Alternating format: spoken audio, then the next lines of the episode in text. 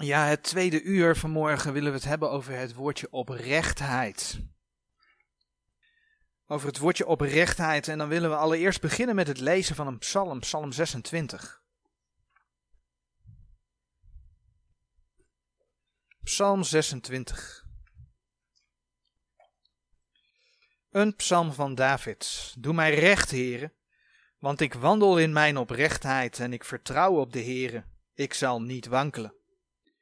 Proef mij, heren, en, en verzoek mij. Toets mijn nieren en mijn hart. Want uw goede tierenheid is voor mijn ogen en ik wandel in uw waarheid. Ik zit niet bij ijdele lieden en met bedekte lieden ga ik niet om. Ik haat de vergadering der boosdoeners en bij de goddelozen zit ik niet. Ik was mijn handen in onschuld en ik ga rondom uw altaar, o Heere, om te doen horen de stem des lofs en om te uh, vertellen al uw wonderen. Heere, ik heb lief de woning uws huizes en de plaats des tabernakels uw eer. Raap mijn ziel niet weg met de zondaren, noch mijn leven met de mannen des bloeds, in welker handen schandelijk bedrijf is, en welke rechterhand vol geschenken is. Maar ik wandel in mijn oprechtheid. Verlos mij dan, en zijt mij genadig. Mijn voet staat op een op efferbaan. Ik zal de Heere loven in de vergaderingen. Ja, in vers 1 van deze psalm hebben we gelezen: Doe mij recht, Heere, want ik wandel in mijn oprechtheid. En ik vertrouw op de Heere, ik zal niet wankelen. Allereerst is het goed om te beseffen dat we hier in het Oude Testament lezen. En dat er in het Oude Testament onder de wet een stukje werken, uh, geloof en werken nodig was. Werken speelde een rol in het behoud. Als je bijvoorbeeld in uh, Filippenzen 3 vers 9 kijkt. Filippenzen 3 vers 9. Daar zegt Paulus. En in hem gevonden worden niet hebbende mijn rechtvaardigheid die uit de wet is, maar die door het geloof van Christus is. Namelijk de rechtvaardigheid die uit God is door het geloof. Dus onder de wet werkte men wel degelijk voor een stukje eigen gerechtigheid. En in het Oude Testament, en dat kom je op verschillende plekken tegen, hadden mensen ook geen zekerheid in het geloof. Mooie voorbeelden daarvan vind je in Ezekiel 18, vers 24 en Ezekiel 33, vers 13. Ja, en dat staat in schil contrast met de boodschap van de gemeente voor vandaag de dag. Waar we door het verlossingswerk van de Heer Jezus mogen weten, weten, Gods rechtvaardigheid te dragen. Dat is 2 Korinthe 5, vers 21. Ik heb het vers nog weer een keer op de dia gezet. Dus als we in Psalm 26 lezen dat David de Heer vraagt hem op grond van zijn oprechtheid te sparen, bijvoorbeeld in, in het negende vers, dan is dat typisch oud-testamentisch. En toch, toch is de geschiedenis van Israël ons als voorbeeld gegeven. Toch zit er in Psalm 26 ook voor ons een hele mooie geestelijke les. Want ondanks dat het verschil er is tussen de wet en de gemeente, vraagt de Heer ook van ons oprechtheid. In de context van het geven bijvoorbeeld, daar maakt Paulus de opmerking tegen de Corinthiërs in 2 Korinthe 8 vers 8. In 2 Korinthe 8 vers 8. Ik zeg dit niet als gebiedende, maar als door de naarstigheid van anderen ook de oprechtheid uw liefde beproevende. De oprechtheid van iemands liefde tot de naaste kan dus beproefd worden. Bij de Corinthiërs was de vraag: zijn zij oprecht? Zo zegt Paulus tegen Titus, bladeren we even verder in Titus 2, vers 7. Titus 2, vers 7. Betoon u zelf in alles een voorbeeld van goede werken.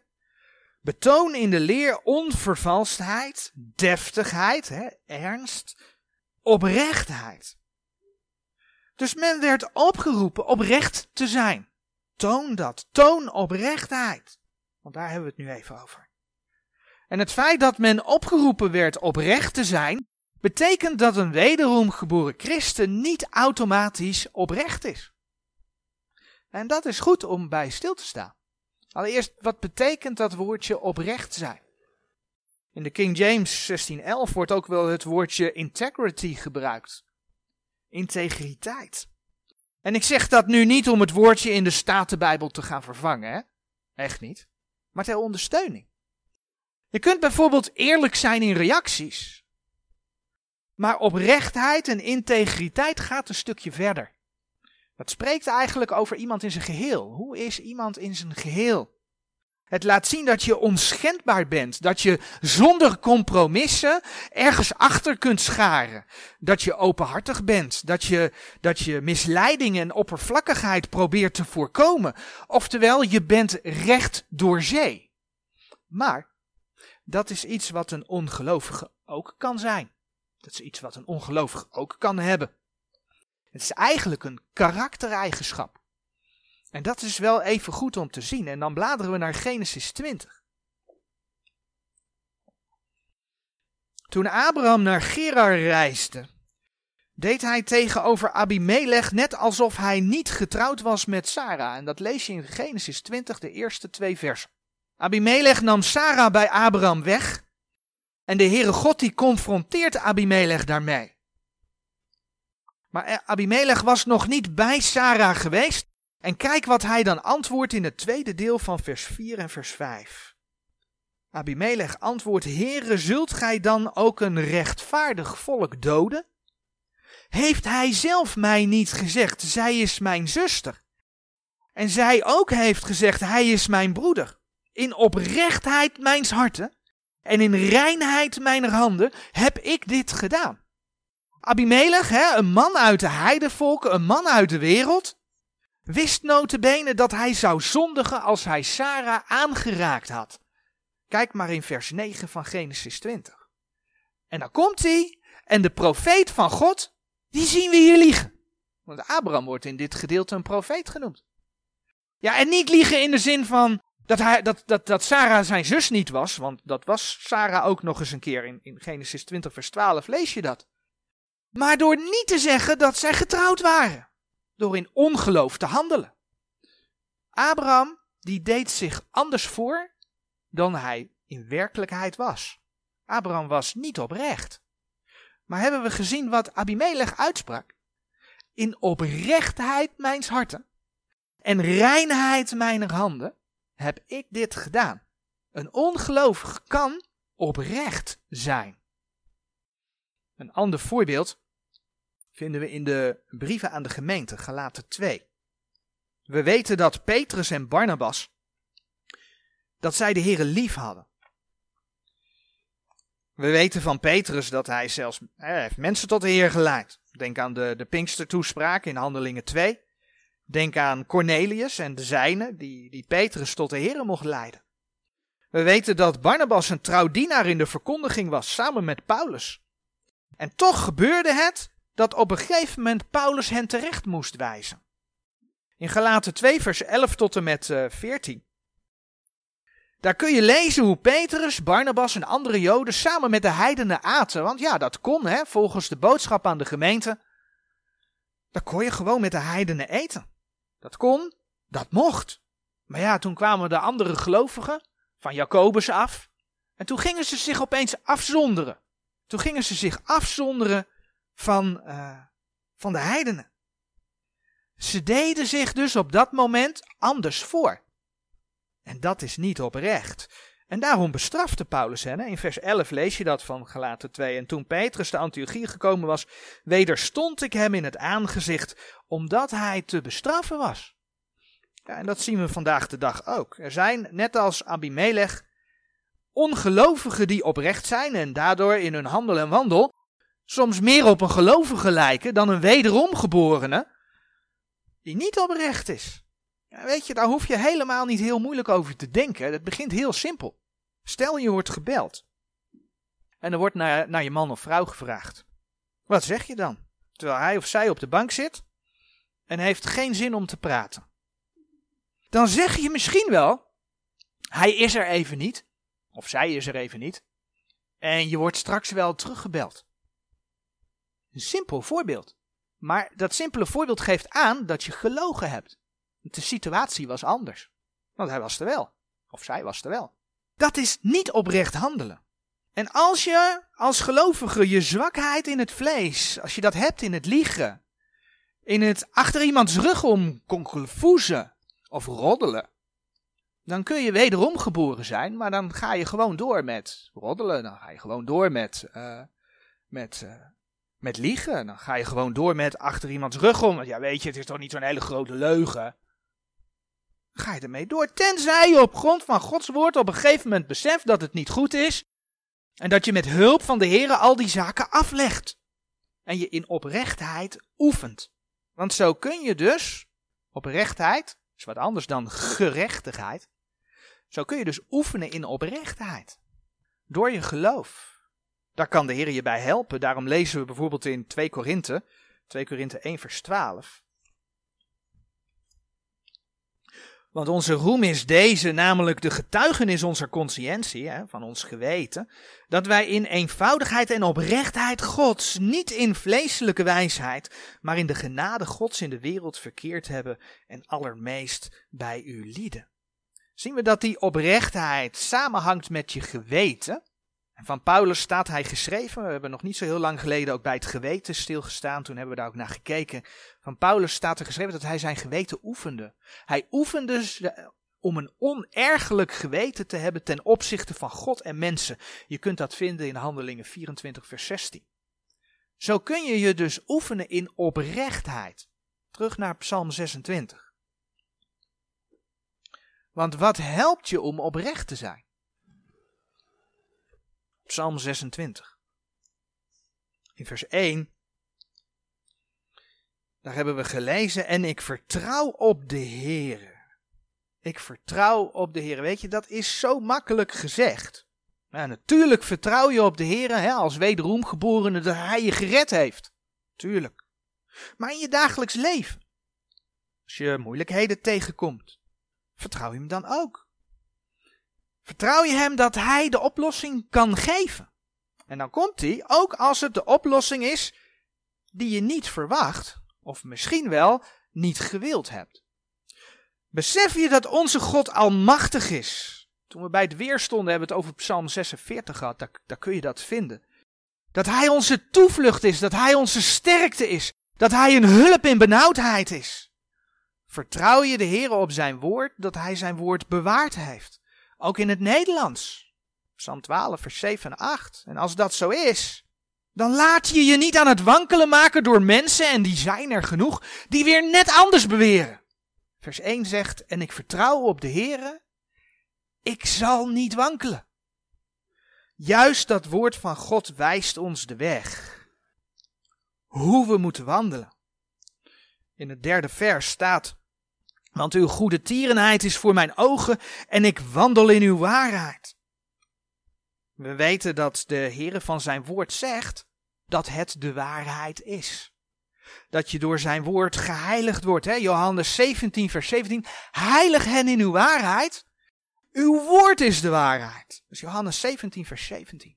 2 Timotheus 3, vers 16 en 17 zeggen dat dat woord je leert. Dat dat woord je weerlegt. Dat dat woord je verbetert, dat het woordje onderwijst.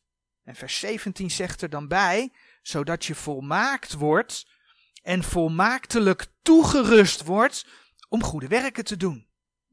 En dan noem ik eerst de twee makkelijke. Wil je geleerd worden? Wil je onderwezen worden? En dan de moeilijke.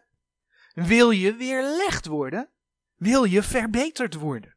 Want dat betekent namelijk dat je niet alleen maar over de bedelingen, de dingen op, op een rechte manier kunt zetten, maar dat je je eigen leven in het licht van Gods woord stelt. En die is moeilijk. Maar dan ga je bidden met 26 vers 2. Proef mij, heren, en verzoek, en verzoek mij. Toets mijn nieren en mijn hart. Proef mij, heren, en verzoek mij. Toets mijn nieren en mijn hart dan stel je jezelf in het licht van Gods woorden. Maar als je dat gaat doen, ja, dan kom je ongetwijfeld dingen tegen in je leven die niet stroken met Gods woord. Met wat de Heer van je vraagt. Ik bedoel, ben je oprecht in de liefde naar je medebroeders en zusters? Ik haal even de voorbeeldteksten aan. Hè? 2 Korinthe 8 vers 8 hadden we al gezien. En in Titus hadden we gelezen over oprecht zijn in de leer. Ben je oprecht in de leer? Of moet je tot de conclusie komen dat je toch wel heel makkelijk aan het wankelen te maken bent? Paulus zegt bijvoorbeeld tegen de Galaten in, in, in, in, in Galaten 1 vers 6 en 7. Ik verwonder mij dat gij zo haast, wijkende van dengene die u in de genade van Christus geroepen heeft, overgebracht wordt tot een ander evangelie, daar er geen ander is. Maar er zijn sommigen die u ontroeren en het evangelie van Christus willen verkeren. En als je dan in Galaten 3 vers 1 kijkt, dan spreekt de Heer door Paulus zelfs over betoverd zijn. Zo snel kan het gaan als je gaat wankelen. Of je laat je op het pad van het vlees brengen, van de wereld. Als je deze dingen in je leven ziet, op grond van Gods woord, dan, dan kun je dat beleiden. Psalm 26, vers 6 zegt. Psalm 26, vers 6. Zegt, ik was mijn handen in onschuld en ik ga rondom uw altaar, o Heere. Nou, in het Oude Testament ging men offers brengen. Ging men naar de tabernakel, ging men naar de tempel, moest men een offer brengen. Maar ons offer is gebracht in de Heer Jezus. Daar, dus waar kunnen wij onze handen wassen? Welk altaar kunnen wij benaderen? Dat is het volbrachte werk van de Heer Jezus. Op zijn vergrote bloed mogen we pleiten. En het mooie is, hè, 1 Johannes 1, vers 7 en 9. Dan doet hij alle ongerechtigheid weg. Ik lees de teksten toch nog een keer voor. 1 Johannes 1, vers 7 bijvoorbeeld. Maar indien wij in het licht wandelen gelijk hij in het licht is, zo hebben wij gemeenschap met elkander. En het bloed van Jezus Christus, zijn zoon, reinigt ons van alle zonden. Vers 9. Indien wij onze zonde beleiden, hij is getrouw en rechtvaardig dat hij ons de zonde vergeven en ons reinigen van alle, alle, hè, alle ongerechtigheid. Ja, en als je zo alles opruimt, dan mag je staan, zegt Psalm 26, vers 12, op een effen baan. Een effen baan.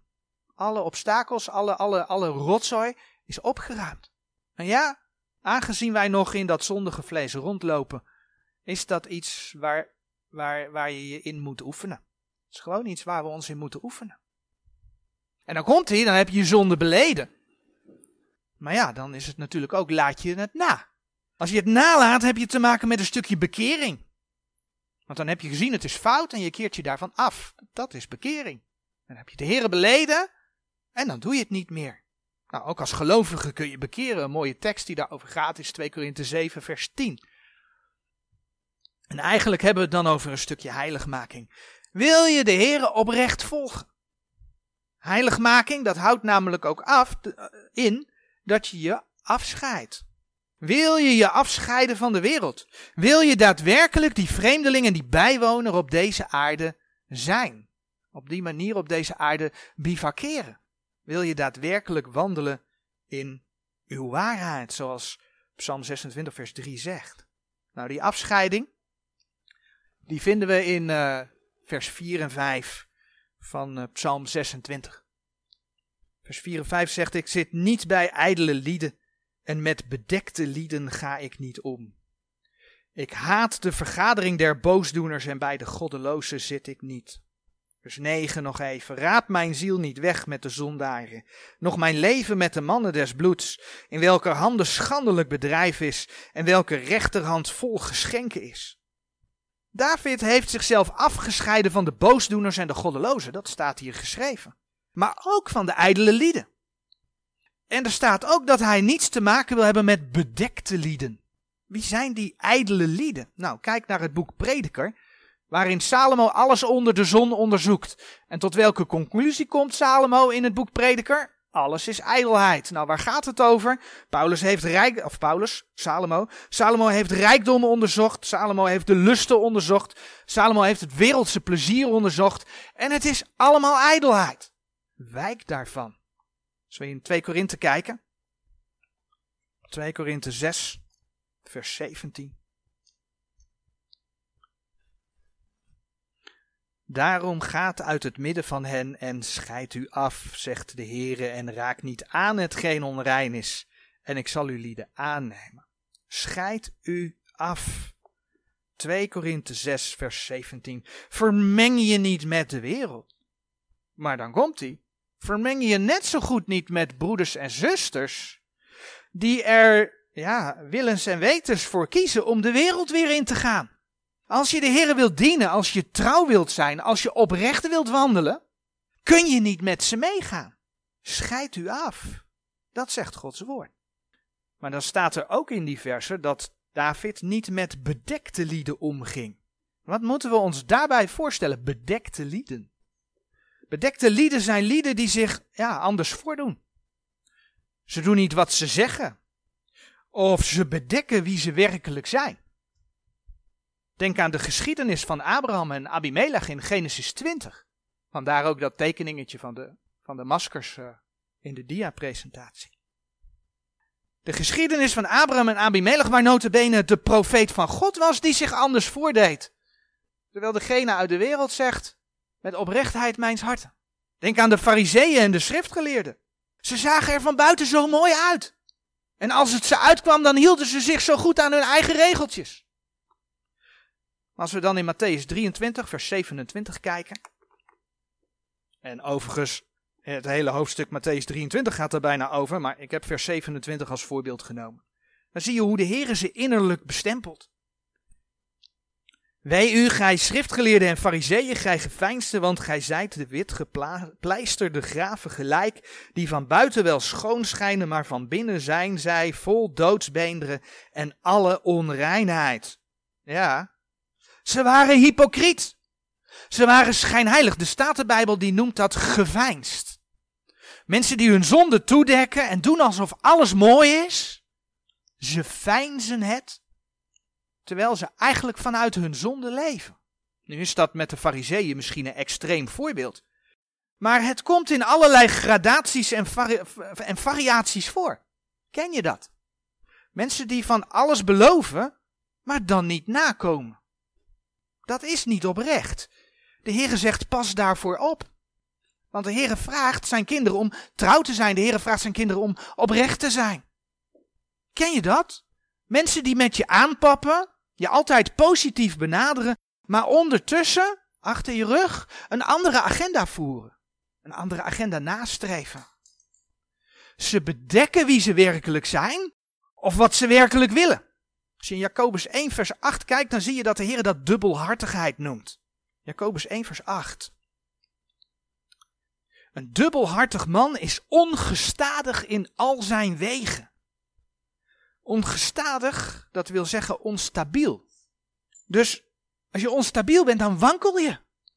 Dus als je dubbelhartig bent, als je niet oprecht bent, niet eerlijk bent, dan wankel je, dan ben je onstabiel.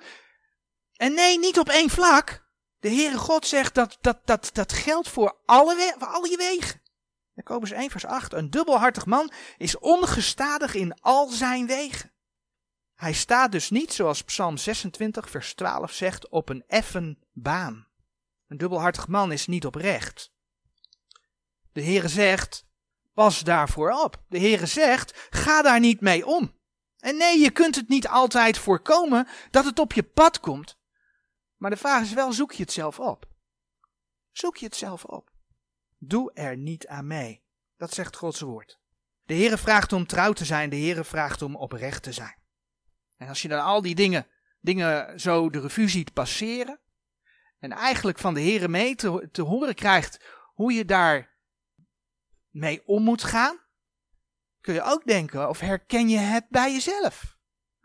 Zijn er eigenschappen waarvan je zegt, ja maar eigenlijk, heb ik dat ook. Het ene zeggen, het andere doen. Ontrouw zijn of je anders voordoen. Het is Gods woord dat het je laat zien. Beleid het, bekeer je, laat het na.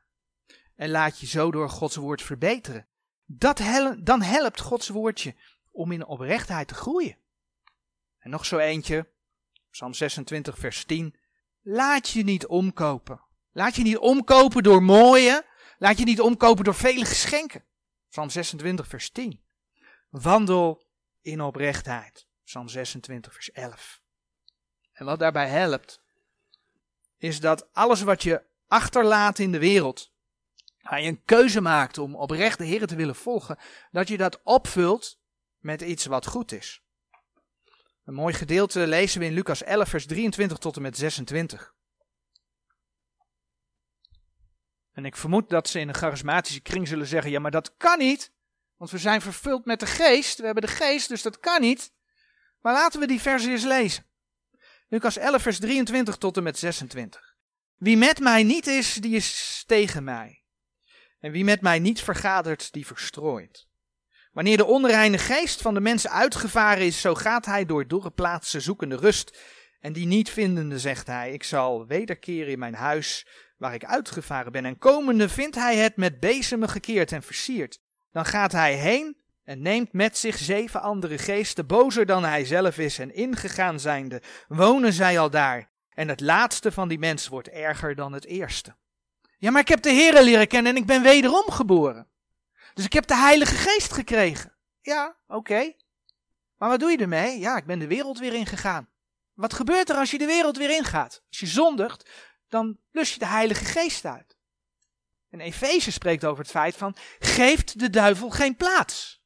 Met andere woorden, als jij je niet vult met de Here, dan komt daar wat anders voor terug.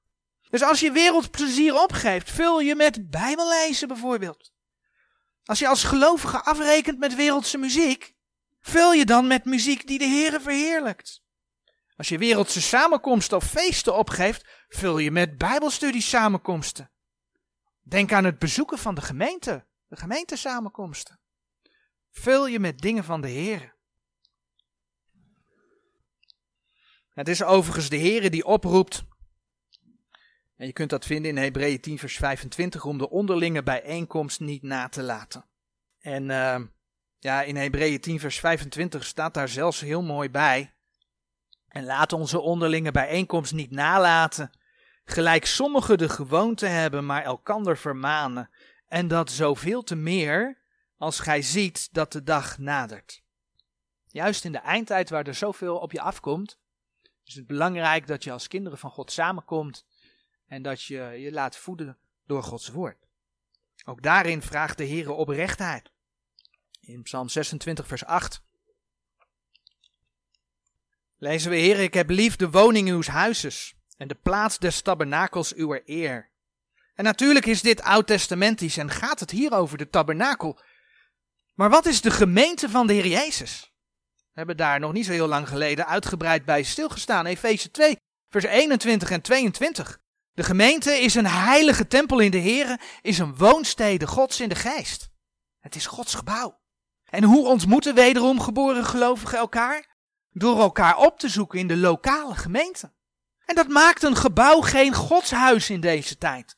Maar als de gemeente samenkomt, als je samen bent, dan komen ze wel samen als een stukje van Gods gebouw.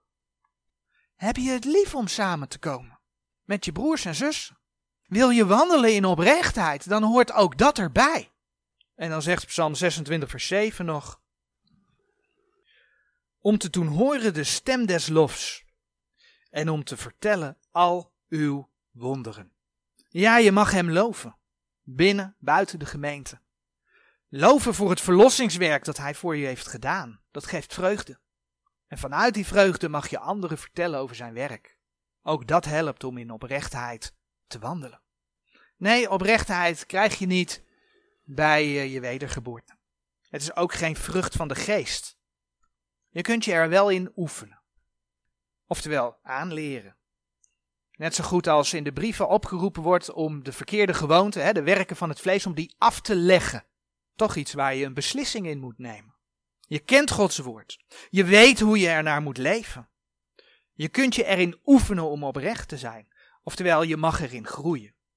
En hoe meer je met Gods woord bezig bent, maar ook de werking van dat woord in je leven toelaat, hoe meer je leert oprecht te zijn.